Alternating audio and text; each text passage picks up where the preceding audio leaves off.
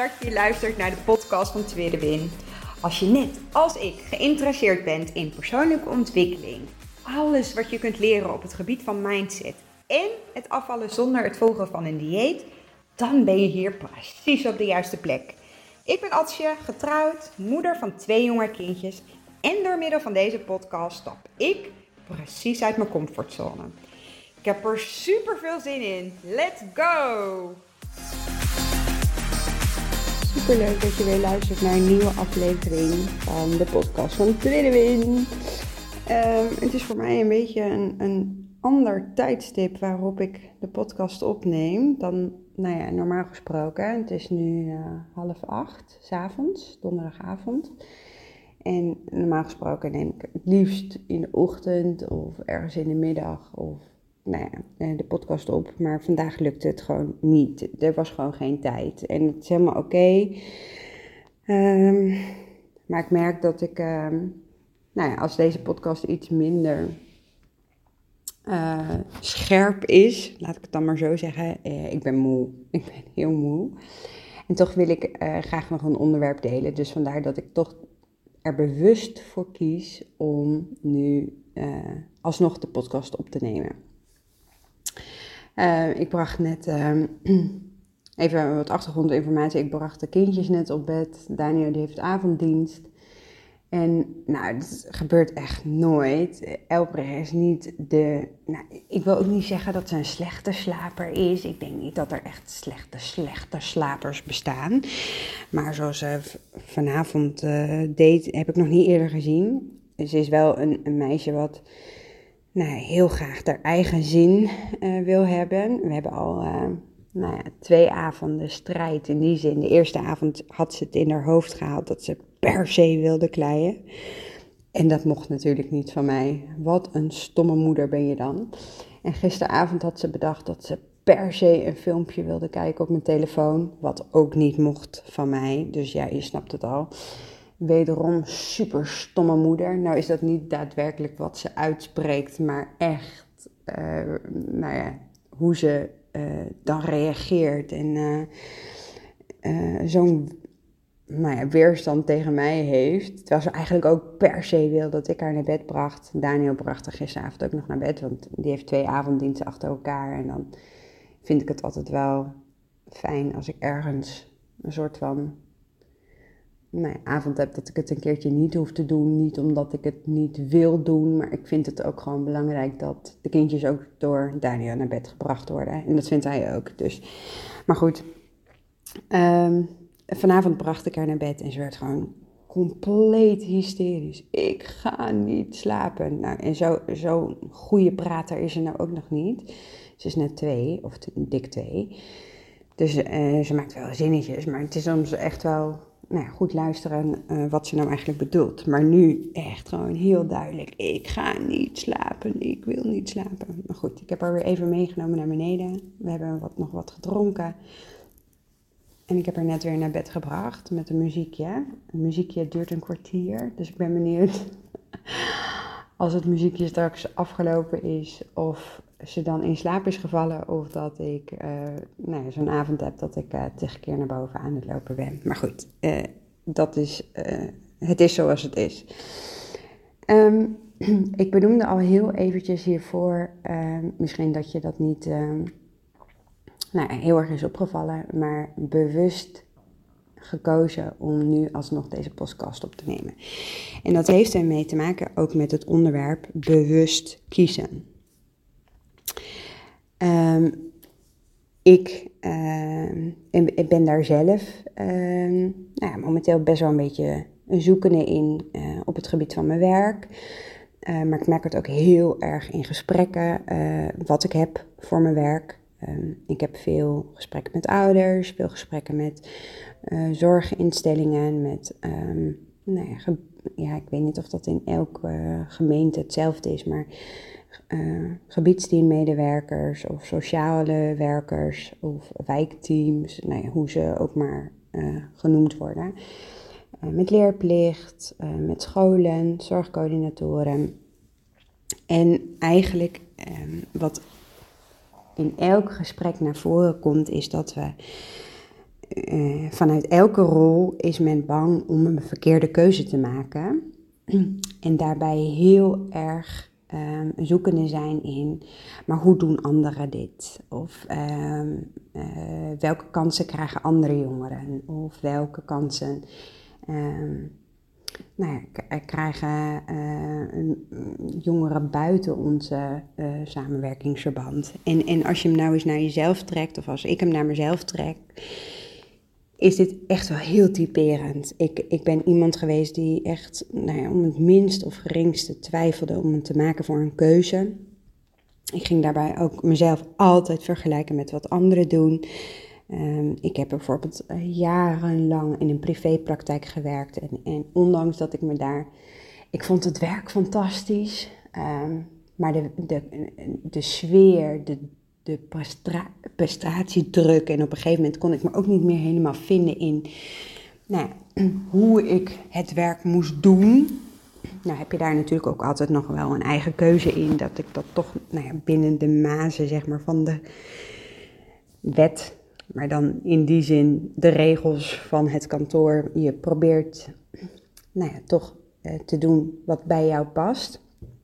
Uh, maar daar ben ik gewoon veel te lang uh, werkzaam geweest. En, eh, en dat heeft um, nou iets met mij gedaan, maar dat heeft ook iets met de praktijk gedaan. Ook iets met de cliënten die daar zaten. Ik, ben, ik kan nu inmiddels zeggen dat ik ervan overtuigd ben dat op het moment dat je merkt dat je. Uh, Nee, soms zijn er bepaalde voortekenen, en daar wil ik straks wat meer over zeggen, dat, dat het dan juist heel goed is dat je bij jezelf te raden gaat wat zit daaronder? En dat je bewust bij jezelf nagaat van wat wil ik nou eigenlijk? Maar goed, ik ben dus iemand die heel, of ik ben, ik was meer iemand die heel snel um, keuzes uh, maakte op basis van mijn omgeving, op wat mij is aangeleerd, op een bepaalde norm, uh, maar vooral niet uh, daarbij durven te kijken naar mezelf. Wat, wat wil ik of wat heb ik nodig? En, en als je dan bedenkt dat ons leven eigenlijk bestaat uit continu keuzes maken. Dat is namelijk iets dat we steeds weer doen, keer op keer, of het nou grote keuzes zijn of kleine keuzes zijn. Um, en dat maakt het uh, soms heel lastig, heel ingewikkeld. En sommige keuzes zijn gewoon heel erg simpel. En als ik kijk naar mijn kinderen, die, die zijn hier eigenlijk helemaal niet zo mee bezig. Die, die uh, maken, nou ja, best wel hen, uh, vanaf een afstand, als ik daar zo naar kijk, dan kunnen ze heel makkelijk een bepaalde keuze maken. Hè, als ik ze een keuze voorhoud, wil je, ehm, ik noem maar wat, kaas of worst op je brood, dan kunnen zij heel makkelijk kiezen. Terwijl ik echt iemand ben die nou, over de meest simpele dingen, zoals vanavond ook. Um, en het wordt wel steeds minder, maar eh, ik, wil de, ik wil het niet bagatelliseren, want het is, het is gewoon een ding wat, denk ik, levenslang heeft. Um, maar op donderdagavond, als Daniel er dan niet is, um, en ik dus alleen ben met twee kindjes die de hele week naar school, of de, of hele week, maar die, die dus al drie dagen BSO of kinderopvang gehad hebben, dan zijn ze gewoon op. Dan, dan kunnen ze gewoon niet meer. En voorheen probeerde ik daar dus echt, nou ja, uh, echt nou een soort van weerstand bouwde ik daar ook tegenover van. Als ik aan donderdag, want ik ben zelf ook op. Ik heb ook vier dagen keihard gewerkt en ik vind mijn werk ontzettend leuk. Maar eh, eh, ik ben ook gewoon qua energie uh, nou ja, minder flexibel dan normaal gesproken. Um, dus ik merkte dat ik dan nou, vaak wel een simpele, voedzame maaltijd probeerde te maken, maar dan nog ja, eindigde gewoon als de kindjes in bed lagen met een bepaald gevoel dat het toch net niet helemaal goed voelde of zo. Twee huilende kinderen ehm, en, en jij die maar je best doet om te koken en dan vervolgens ook nog eigenlijk net te laat, waardoor ze geen, nou, eigenlijk niet zoveel meer eten dat werkte gewoon niet. Dus wat doe ik nu? Of tenminste, doe ik nu sinds uh, een maand. We maken gewoon tosties. En daar leg ik groenten bij. het is een volkoren boterham, 30 plus kaas. Ik doe er, ze mogen kiezen tussen achterham of salami, om er nog tussen. Ehm, en dit werkt. En dat is zo'n verademing, want ze eten allebei dan echt gewoon twee boterhammen op. Nou ja, twee tosties. Ehm, het is gezellig aan tafel. We maken samen de tosties. We kijken daarna een filmpje en ze gaan op bed. Nou, en dan, normaal gesproken gaan ze dan slapen. Of tenminste, Jurre gaat 9 van de 10 keer slapen. Elbrecht die moet altijd nog een, een, keer wat vertellen of nog wat drinken of uh, weet ik veel wat. Maar goed, je snapt mijn punt. En toch, en dat komt ook door Dania, want ik, ik gaf dat aan. En, en het is niet dat we dit standaard doen. Als Daniel thuis is s'avonds, dan vind ik het prima om te koken, want dan is er gewoon een vangnet. Maar als ik in mijn eentje ben, en blijkbaar is dat zo de afgelopen maanden, Daan heeft heel vaak op donderdagavond avonddienst. Dus dan kies ik ervoor om, nou ja, in dit geval dus tostjes te maken. En Daan vindt daar wat van. Die zegt, je gaat toch niet tosti als avondeten eten? Prima, jij jouw ding, ik mijn ding. Je bent er toch niet, je hebt er geen last van dat jij ervoor kiest om een of ander afhaalmaaltijd, pizza, patat, weet ik veel wat. Want als je ergens een ongezonde werkcultuur uh, uh, hebt, dan is dat echt binnen de politie. Maar goed, uh, wij eten dus tosties. Maar dat is wel iets wat je eigenlijk vanaf jongs af aan, krijg je, dat heel, krijg je gewoon bepaalde dingen mee. En ik wil niet zozeer zeggen dat eh, kinderen heel makkelijk keuzes maken, want ik, ik denk ook dat ze zich uh, nou de keuzes maken op basis van uh, wat ze voelen, hè, dat er een bepaalde norm is en dat ze zich daaraan conformeren. En ik hoop echt wel dat ik nou ja, ze wil meegeven dat er altijd een keuze is en dat je altijd zelf die keuze kunt maken, dat er geen goed of fout in is. En dan kom ik eigenlijk meteen een stukje dieper op het onderwerp. Um, waarom vinden we keuzes maken zo lastig? Ik denk dat dat enerzijds heel erg te maken heeft met dat we nou, uh, gaandeweg uh, hoe we uh, ons ontwikkelen en dat we zijn opgegroeid en, en, in welke maatschappij wij leven, dat we gewoon nou een beetje onszelf kwijtgeraakt zijn. Dus dat we eigenlijk in, in heel veel gevallen niet zo goed weten wat we nou precies willen. En daardoor is het maken van een keuze ook gewoon heel lastig. Um, en, en dan komt er angst om de hoek kijken. En dan komt er een gevoel van dat je een goede keuze kunt maken of een foute keuze. En dan komt er stress bij kijken. Um, en, en een gevoel van oncomfortabelheid. Dat het ook gewoon, nou ja, we, we, zitten ook wel, um, ik merk dat ook wel in een bepaalde modus. Van dat we het fijn vinden om te klagen. Of fijn vinden om ergens tegenaan te schoppen. Of de schuld bij iemand anders neer te leggen. En dat we het heel lastig vinden nou om ons eigen aandeel daarin te zien. En daar ben ik net zo hard schuldig aan als ieder ander. Uh, alleen ben ik er wel steeds bewuster van geworden dat het, uh, het nou het schoppen tegen mijn omgeving of tegen regels of tegen afspraken gaat mij niet verder helpen. Sterker nog, het geeft me een nog rotter gevoel uh, waarmee ik niet verder kom. En ik denk dat het anderzijds ook te maken heeft dat we denken dat we in heel veel gevallen geen keuze kunnen maken. Dat we niet bewust zijn dat we altijd een keuze hebben. Als ik bijvoorbeeld, uh, bijvoorbeeld als ik een voorbeeld mag noemen, um, Daan werkt bij de politie. Die werktijden zijn super onregelmatig. Hij vindt zijn werk fantastisch en ik heb daardoor echt een leukere man in huis. Dus ik, het is een soort van balans wat je continu met elkaar zoekt.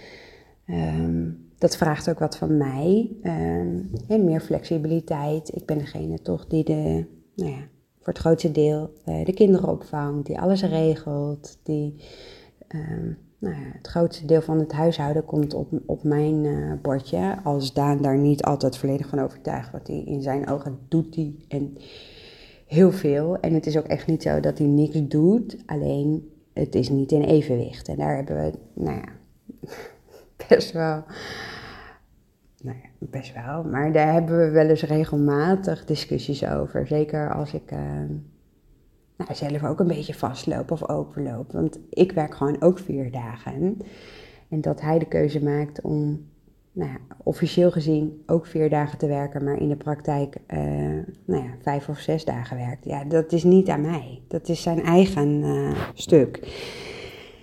En ik kan echt wel begrip op uh, hebben voor de situatie. Dat zijn werk gewoon minder flexibel is dan die van mij. maar ook daarin vind ik, je hebt gewoon daarin een keuze. En hij vindt zijn werk gewoon heel erg leuk. Dus is dit zijn keuze. Maar dan moet je dat ook gewoon eerlijk zeggen. Maar goed, andere discussie waar ik heen wilde is dat door zijn werk, um, nou ja, kom je ook gewoon. Heb ik niet altijd een bewuste keuze? Laat ik, nee, dat zeg ik verkeerd. Heb ik niet altijd zozeer een keuze? Zoals uh, bijvoorbeeld met de kerst. Het is nu 16 december. Over een dikke week is het kerst. Daniel moet kerstavond werken. En eerste kerstdag heeft hij avonddienst. Dus dat betekent dat hij vanaf 12 uur half 1 de deur uit is. Zowel op 24 eh, december als eerste kerstdag. Dus dat betekent dat ik eigenlijk de hele kerst zowat in mijn eentje ben. Behalve tweede kerstdag, uh, dan zijn we gewoon samen. Um, maar dat, uh, dat, dat vind ik best ingewikkeld. Dat vind ik best. Ja, hoe zeg ik dat nou even? Ik, ik heb daar echt een poosje over na zitten denken de afgelopen periode. Het rooster is natuurlijk al een poosje bekend. En ik wist in eerste instantie dat hij kerstavond moest werken. Prima, weet je. Eh, ik snap heel goed dat er iedereen een dienst moet draaien met kerst of met oud en nieuw. Dat is al jaren zo. Het is niet het eerste jaar dat Daniel bij de politie werkt. Maar goed, dat hij dus en kerstavond en eerste kerstdag moet werken. Ja, dat kwam toch wel een beetje rauw op mijn dak of zo. Um, en ik, ik heb daar ook wel eventjes last van gehad. En, en dat komt denk ik ook omdat kerst een beetje nou ja, door de maatschappij geromantiseerd wordt, om het zo maar te zeggen. dus uh, uh, met familie en leuke dingen doen en met je gezin samen zijn en lekker eten en mooie kleding en aan een mooie tafel. Nou, ik weet niet hoe dat bij jullie is, maar uh, zo gaat het bij ons de kerst eigenlijk niet echt. Uh, natuurlijk eten we samen met familie uh, en natuurlijk uh, eet je andere dingen. maar meestal is het ja, ja, een brunch of een. En is het avondeten gewoon heel simpel: rollade met aardappels en stoofperen. En goed, ik vind dit passend bij kerst. Dit is mijn kerst. Maar als ik dan bijvoorbeeld de allerhande open sla en daarin al die verschillende voorgerechten, bijgerechten, nou ja, side dishes, weet ik veel wat ik allemaal voorbij zie komen. Ja, dat is gewoon niet mijn, mijn realiteit. En natuurlijk gun ik dat in ieder als dit wel jouw kerst is. Uh, ik, ik, bagatelliseer het helemaal niet, maar ik zit met kerst met twee kleintjes alleen. Tenminste, in ieder geval kerstavond uh, en de eerste kerstdag. Zoals het er nu voor staat, gaan we nou ja, met familie eten. Maar ja, uh, in het kader van corona is dat natuurlijk ook wel een dingetje. Dus goed, daar gaan we het uh, het weekend uh, verder over hebben. Um, het maakt het ook ingewikkeld. Ik heb niet van mijn kant ouders. Uh, dus um, het zijn niet mijn ouders waarmee ik kerst vier. Het zijn Daniel's ouders. Nou voelen dat ook echt wel als mijn ouders. En ook zijn broers en zussen voelen ook wel echt als mijn broers en zussen. Maar ik denk dat nee, er zit altijd een soort van ja, ik denk dat het meer een gevoelsding is of zo. Um, nou, misschien kan ik het ook gewoon niet zo goed uitleggen, maar goed, dit voelt als ik dan straks op zo'n kerstavond of op eerste kerstdag, bijvoorbeeld op social media, mezelf zou gaan vergelijken. Nou, dan haal ik mezelf echt compleet naar beneden als ik in een modus zit, um, dat iedereen het leuk en gezellig heeft en ik zit alleen met de kinderen. Dat is een instelling het is een bewuste keuze om ook zo naar kerst, naar hoe ik kerst ga vieren, te kijken. Ehm, en ik denk dat je uh, ten alle tijden invloed hebt op hoe jij naar een situatie kijkt. Je hebt altijd de keuze, de bewuste keuze om invloed te hebben op hoe jij je voelt, op hoe jij er ergens tegenaan kijkt. en daarom is het denk ik ook zo um, belangrijk dat je, ehm, nou ja, eh, als je een keuze maakt, dat je ook beseft dat het op dat moment voor jou heel goed voelt. En dat heeft even niks te maken met uh, hoe ik tegen kerst aankijk, daar kom ik zo even op terug. Maar ik denk dat we heel vaak keuzes maken op basis van een bepaald moment. En uh, op dat moment voelt jouw keuze heel goed. Dat wil dus niet zeggen dat over vijf of tien jaar je diezelfde keuze had gemaakt. Betekent dat dan dat die keuze iets goed is of iets fout is? Ik, ik kijk daar toch echt anders naar. Op dat moment maak je een bewuste keuze vanuit het gevoel wat je op dat moment hebt. Op, op het, eh, de, de situatie zoals je op dat moment is. En, en na vijf jaar had je misschien niet diezelfde keuze gemaakt, maar het heeft je wel ontzettend veel inzichten gegeven over die keuze die je toen destijds gemaakt hebt. En als je op die manier naar bepaalde keuzes kijkt en niet zozeer in goed of fout, of, of met spijt of met schuldgevoel of met schaamte, maar echt eh, meer vanuit een bepaalde inzicht eh, daarna gaat kijken. En van goh, wat heb ik er nou van geleerd? Dan, dan besef je ook heel duidelijk dat je nooit een foute keuze kunt maken. Ik ga de podcast heel even onderbreken, want ik hoor, uh, jullie horen dat denk ik niet, maar uh, ik hoor Elbrecht heel hard uh, door de uh, babyfoon heen gillen. Dus ik ga er even nog instoppen, muziekje aanzetten en dan kom ik zo weer terug. Sorry. Ja, daar ben ik weer. Sorry hoor. maar goed, dat is het risico als je dus avonds een podcast opneemt. Um, Even terug, ik denk dus dat je ten alle tijden een keuze hebt. En, en heel vaak vinden we het heel lastig om bepaalde keuzes te maken. Uh, en daar, daar deelde ik ook al wat over, dat je het enerzijds, uh, dat we niet het gevoel hebben dat we uh, zelf de keuze kunnen maken. Dat krijg ik ook heel veel terug in mijn DM. Ehm, en, en hoewel ik het heel goed snap, omdat ik er zelf ook altijd zo in stond, weet ik ook echt dat het anders kan als jij ook bewust kiest om er anders naar te gaan kijken.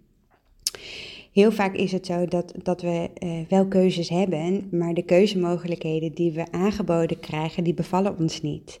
Um, en dan heb je eigenlijk twee keuzes. Je past je aan aan de keuze die je op dat moment hebt, of je maakt compleet een andere keuze.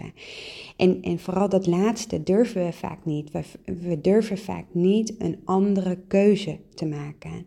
En wat er dan gebeurt, is dat je eigenlijk het slachtoffer bent van je eigen denken. Je, je, je, je zit zo vast in je hoofd dat je niet meer. Um, nou, die andere keuze buiten het, het nou, en ik snap, buiten het comfortabele uh, ziet of durft te maken. Maar juist uh, uh, ben ik als persoon zoveel nou creatiever geworden, krachtiger, ehm, zoveel meer proactiever. door het inzien dat ik altijd een keuze heb. En ja, een keuze heeft twee kanten. Het betekent of vrijheid of het nemen van verantwoordelijkheid. Um, want op het moment dat je een bepaalde keuze maakt, dan heb je aan de ene kant de vrijheid om ook zelf dingen naar je hand te zetten. En aan de andere kant um, wil dat ook zeggen dat je dus eigenlijk niets of niemand meer de schuld kunt geven van de keuze die jij op dat moment maakt. Dus de volledige verantwoordelijkheid ligt dan ook bij jou. Um, en, en dat voelt misschien uh, uh, nou ja, heel confronterend als je dus uh, beseft dat jij zelf degene bent um, die verantwoordelijk is voor het maken van die keus. En nou kom ik weer even terug op dat stukje van kerst, um, nou ja, dat ik alleen ben. Als ik mezelf zielig ga vinden, medelijden heb, uh, uh, in, in een bepaalde slachtofferrol stap, gaat die avond, kerstavond en eerste kerstdag ook ruk zijn. Omdat mijn perspectief, mijn denken, mijn focus, mijn focus, eh, hoe, ik hoe ik me voel, gaat ook zo zijn. Maar dat is niet de persoon die ik ben. Dat is ook niet de persoon die ik wil zijn. Want doordat Daniel gaat, ik ben niet afhankelijk van Daniel of ik wel of niet een leuke kerst heb. En natuurlijk, als hij erbij is, is het een, dikke vette bonus. Laten we het ook uh, zomaar zeggen. Want ik ben heel blij met Daniel. Maar ik ben niet afhankelijk van Daniel dat mijn kerst wel of niet leuk is. Dus ik maak bewust de keuze om anders naar eerste kerst uh, of uh, naar kerstavond en eerste kerstdag uh, nou ja, te gaan maken. Er anders naar te gaan kijken. Sterker nog, ik heb allemaal plannetjes gemaakt in mijn hoofd met dingen die ik met de kinderen kan doen. zodat wij het ook leuk hebben, of ook leuk, maar zodat wij het gewoon ook samen gezellig hebben en een leuke kerst hebben.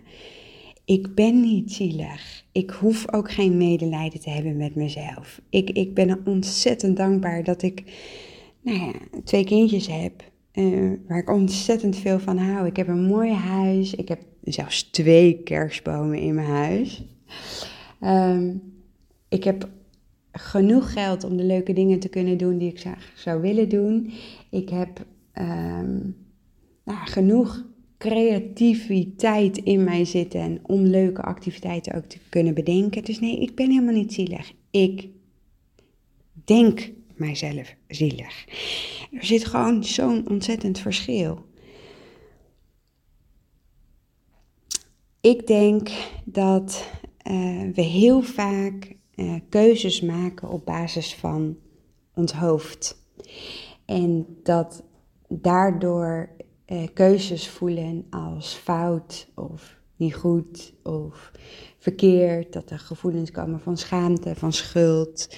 Ik denk ook dat we heel erg de lat hoog uh, leggen voor onszelf, dat we hele nou ja, een soort van bepaalde verwachtingen hebben van hoe ons leven moet lopen. En dat we um, graag willen voldoen aan de norm, uh, aan, aan, mensen om ons heen. Uh, we zijn een beetje uh, kwijtgeraakt hoe we nou, keuzes kunnen maken waar wij achter, waar jij achter kunt staan. En um, ik denk dat we dat dat heel erg te maken hebben dat we geen keuzes meer maken op basis van gevoel. We maken keuzes veelal op basis van ratio, op, op basis van verstand, op, op ons denken. Maar wat als je nou naar je gevoel luistert? Wat zou jij dan het aller, allerliefste willen? En ik denk dat er dan misschien heel veel, tenminste zo was het bij mij, eh, en eh, bepaalde keuzes die ik heb gemaakt. Ik, ik ben volgens mij op dit moment nog nooit zo erg voor mezelf opgekomen op werkgebied. Ehm, tegen mensen ingaan, tegen mensen die hoger, um, nou ja, in, in een bepaalde functie zitten. Binnen de politie noemen ze dat rangen. Nou, dat hebben we niet binnen mijn werkveld. Maar goed, binnen de politie is het nog heel erg autoritair en dominant. En dan mag je echt niet je hoogste baas tegenspreken. Nou goed, uh, zo werkt het niet in mijn werkveld. Um, en natuurlijk komt er dan angst om de hoek kijken. En komt ook, um, nou ja, uh, als je iets zegt tegen een ander... Um, nou, wat die ander misschien niet leuk gaat vinden, komt er ook een soort van dat je bang bent om iemand teleur te stellen of bang bent om het verkeerde te zeggen. Um, waarom voel je angst? Onderzoek die angst. Onderzoek waarom maak jij niet de keuzes op basis van je gevoel. Wat zit daaronder? Wat houdt jou tegen? Wat belemmert je? Welke angst speelt daar een rol in? Is dat de angst omdat je denkt dat je het niet kan? Is dat de angst omdat je denkt dat je andere pijn gaat doen? Is dat, het kan zo ontzettend breed zijn, maar onderzoek die angst en, en ga dat nou ja, ook doen op een manier wat bij jou past bij mij helpt het heel erg om dichter bij mijn gevoel te komen door te gaan wandelen, door dingen van me af te schrijven, nou, door nu een podcast op te nemen. Het helpt zo ontzettend relativeren. Het, het helpt zo erg om laagjes te pellen, om, om, nou, sterker te worden van mijn gevoel. Ik, ik, ja, als ik nu aan kerst denk, dan, dan voel ik uh, dan, ja, zoveel enthousiasme. Ik heb er zo ontzettend veel zin in. En niet omdat kerst nou zo geweldig moet zijn, maar gewoon wel omdat je nou, twee dagen uh, en een avond hebt in het jaar waarin samen zijn gewoon heel erg voorop stelt en, uh, of voorop staat. En nou, wij ook wel nou, christelijk zijn, of tenminste, ik ben heel erg christelijk opgevoed. zou je niet zeggen in mijn gezin, maar goed, dat was wel echt de norm bij ons. Uh, en daar ben ik echt ook heel dankbaar voor. Daniel die, uh, is ook christelijk opgevoed. We hebben elkaar ook leren kennen via de kerk. Maar uh, daar, dat is ook wel een beetje, denk het verhaal. Maar goed, ik vind het gewoon heel mooi als we een kerstavond gewoon het verhaal kunnen vertellen over kindje Jezus. En nou gewoon samen zijn. Dus ik snap dat er angst komt kijken op het moment dat je een bepaalde keuze moet maken. Uh, en, en weet ook dat je altijd anders kunt kijken naar hoe jij denkt over het maken van keuzes. En dat het ook heel erg te maken heeft um, met dat we vaak keuzes maken met ons hoofd. Dus samenvattend, er is altijd een keuze. Sterker nog, een keuze maken maakt altijd nog gelukkiger dan niets doen. Want geen keuze maken wil eigenlijk zeggen dat je jezelf saboteert. Je onderdrukt je gevoel, je doet ze weg, maar ze komen altijd ergens naar boven. En, en is dat niet in de zin van. Nou ja, uh, dat je de keuze maakt, dan merk je vaak wel dat je snel prikkelbaar bent of geïrriteerd bent of je lijf gaat in, uh, in de weerstand, uh, veel ziek of het komt altijd ergens naar boven. Het moet er ergens uit. Word jezelf bewust van je angsten of bepaalde verwachtingen die je hebt. Hè? Eh, eh, er is niet een norm. We, denken allemaal dat er een bepaalde norm is, maar wie bepaalt die norm? Dat ben jij nog altijd zelf. Laat vooral ook de veronderstelling los dat er een foute keuze is. Want foute keuzes bestaan niet. Er is geen goed of fout. Het is maar net hoe jij kijkt naar het maken van een keuze. En, je zie alles als nou een proces uh, van inzicht, van leren. In plaats van nou ja, dat je spijt hebt van een bepaalde keuze. Want daarin gaat zoveel energie verloren en het verandert de situatie ook niet van destijds dat je een bepaalde keuze gemaakt hebt. Ga weer wat vaker terug naar je gevoel. Wat wil ik nou echt? En als je dat nou heel lastig vindt om, om uit je hoofd te stappen en meer in je voelt, denk dan eens aan een moment waarin je echt ontspant. En dat is niet zozeer als je televisie kijkt of als je um, een computerspelletje doet. Of, uh, maar het gaat echt op een moment waarop jij je hoofd leeg kan maken. Dat je dus uit je hoofd kunt komen. Voor mij is dat wandelen, benoemde ik al. Voor mij is dat schrijven. Um, ik ben ook momenteel veel meer aan het delen, zowel binnen mijn podcast als bij vrienden, familie. Dat helpt mij. Ik hoop dat ik je heb mogen inspireren, motiveren. Uh, sorry voor de onderbreking uh, van deze podcast, al denk ik wel dat jullie daar begrip voor hebben. Um, het is in ieder geval stil nu boven. Tenminste, ik zie geen uh, flikkerende lampjes op mijn uh, babyfoon. Ik had het muziekje even, nee, wel bij daar aangezet, maar het geluid uit. Um, ik ga nog eventjes een enorme weg was opvouwen. en ik ga jullie alvast een heel fijn avond, middag, ochtend, dag wensen. En ik spreek je volgende week weer. Doei doei!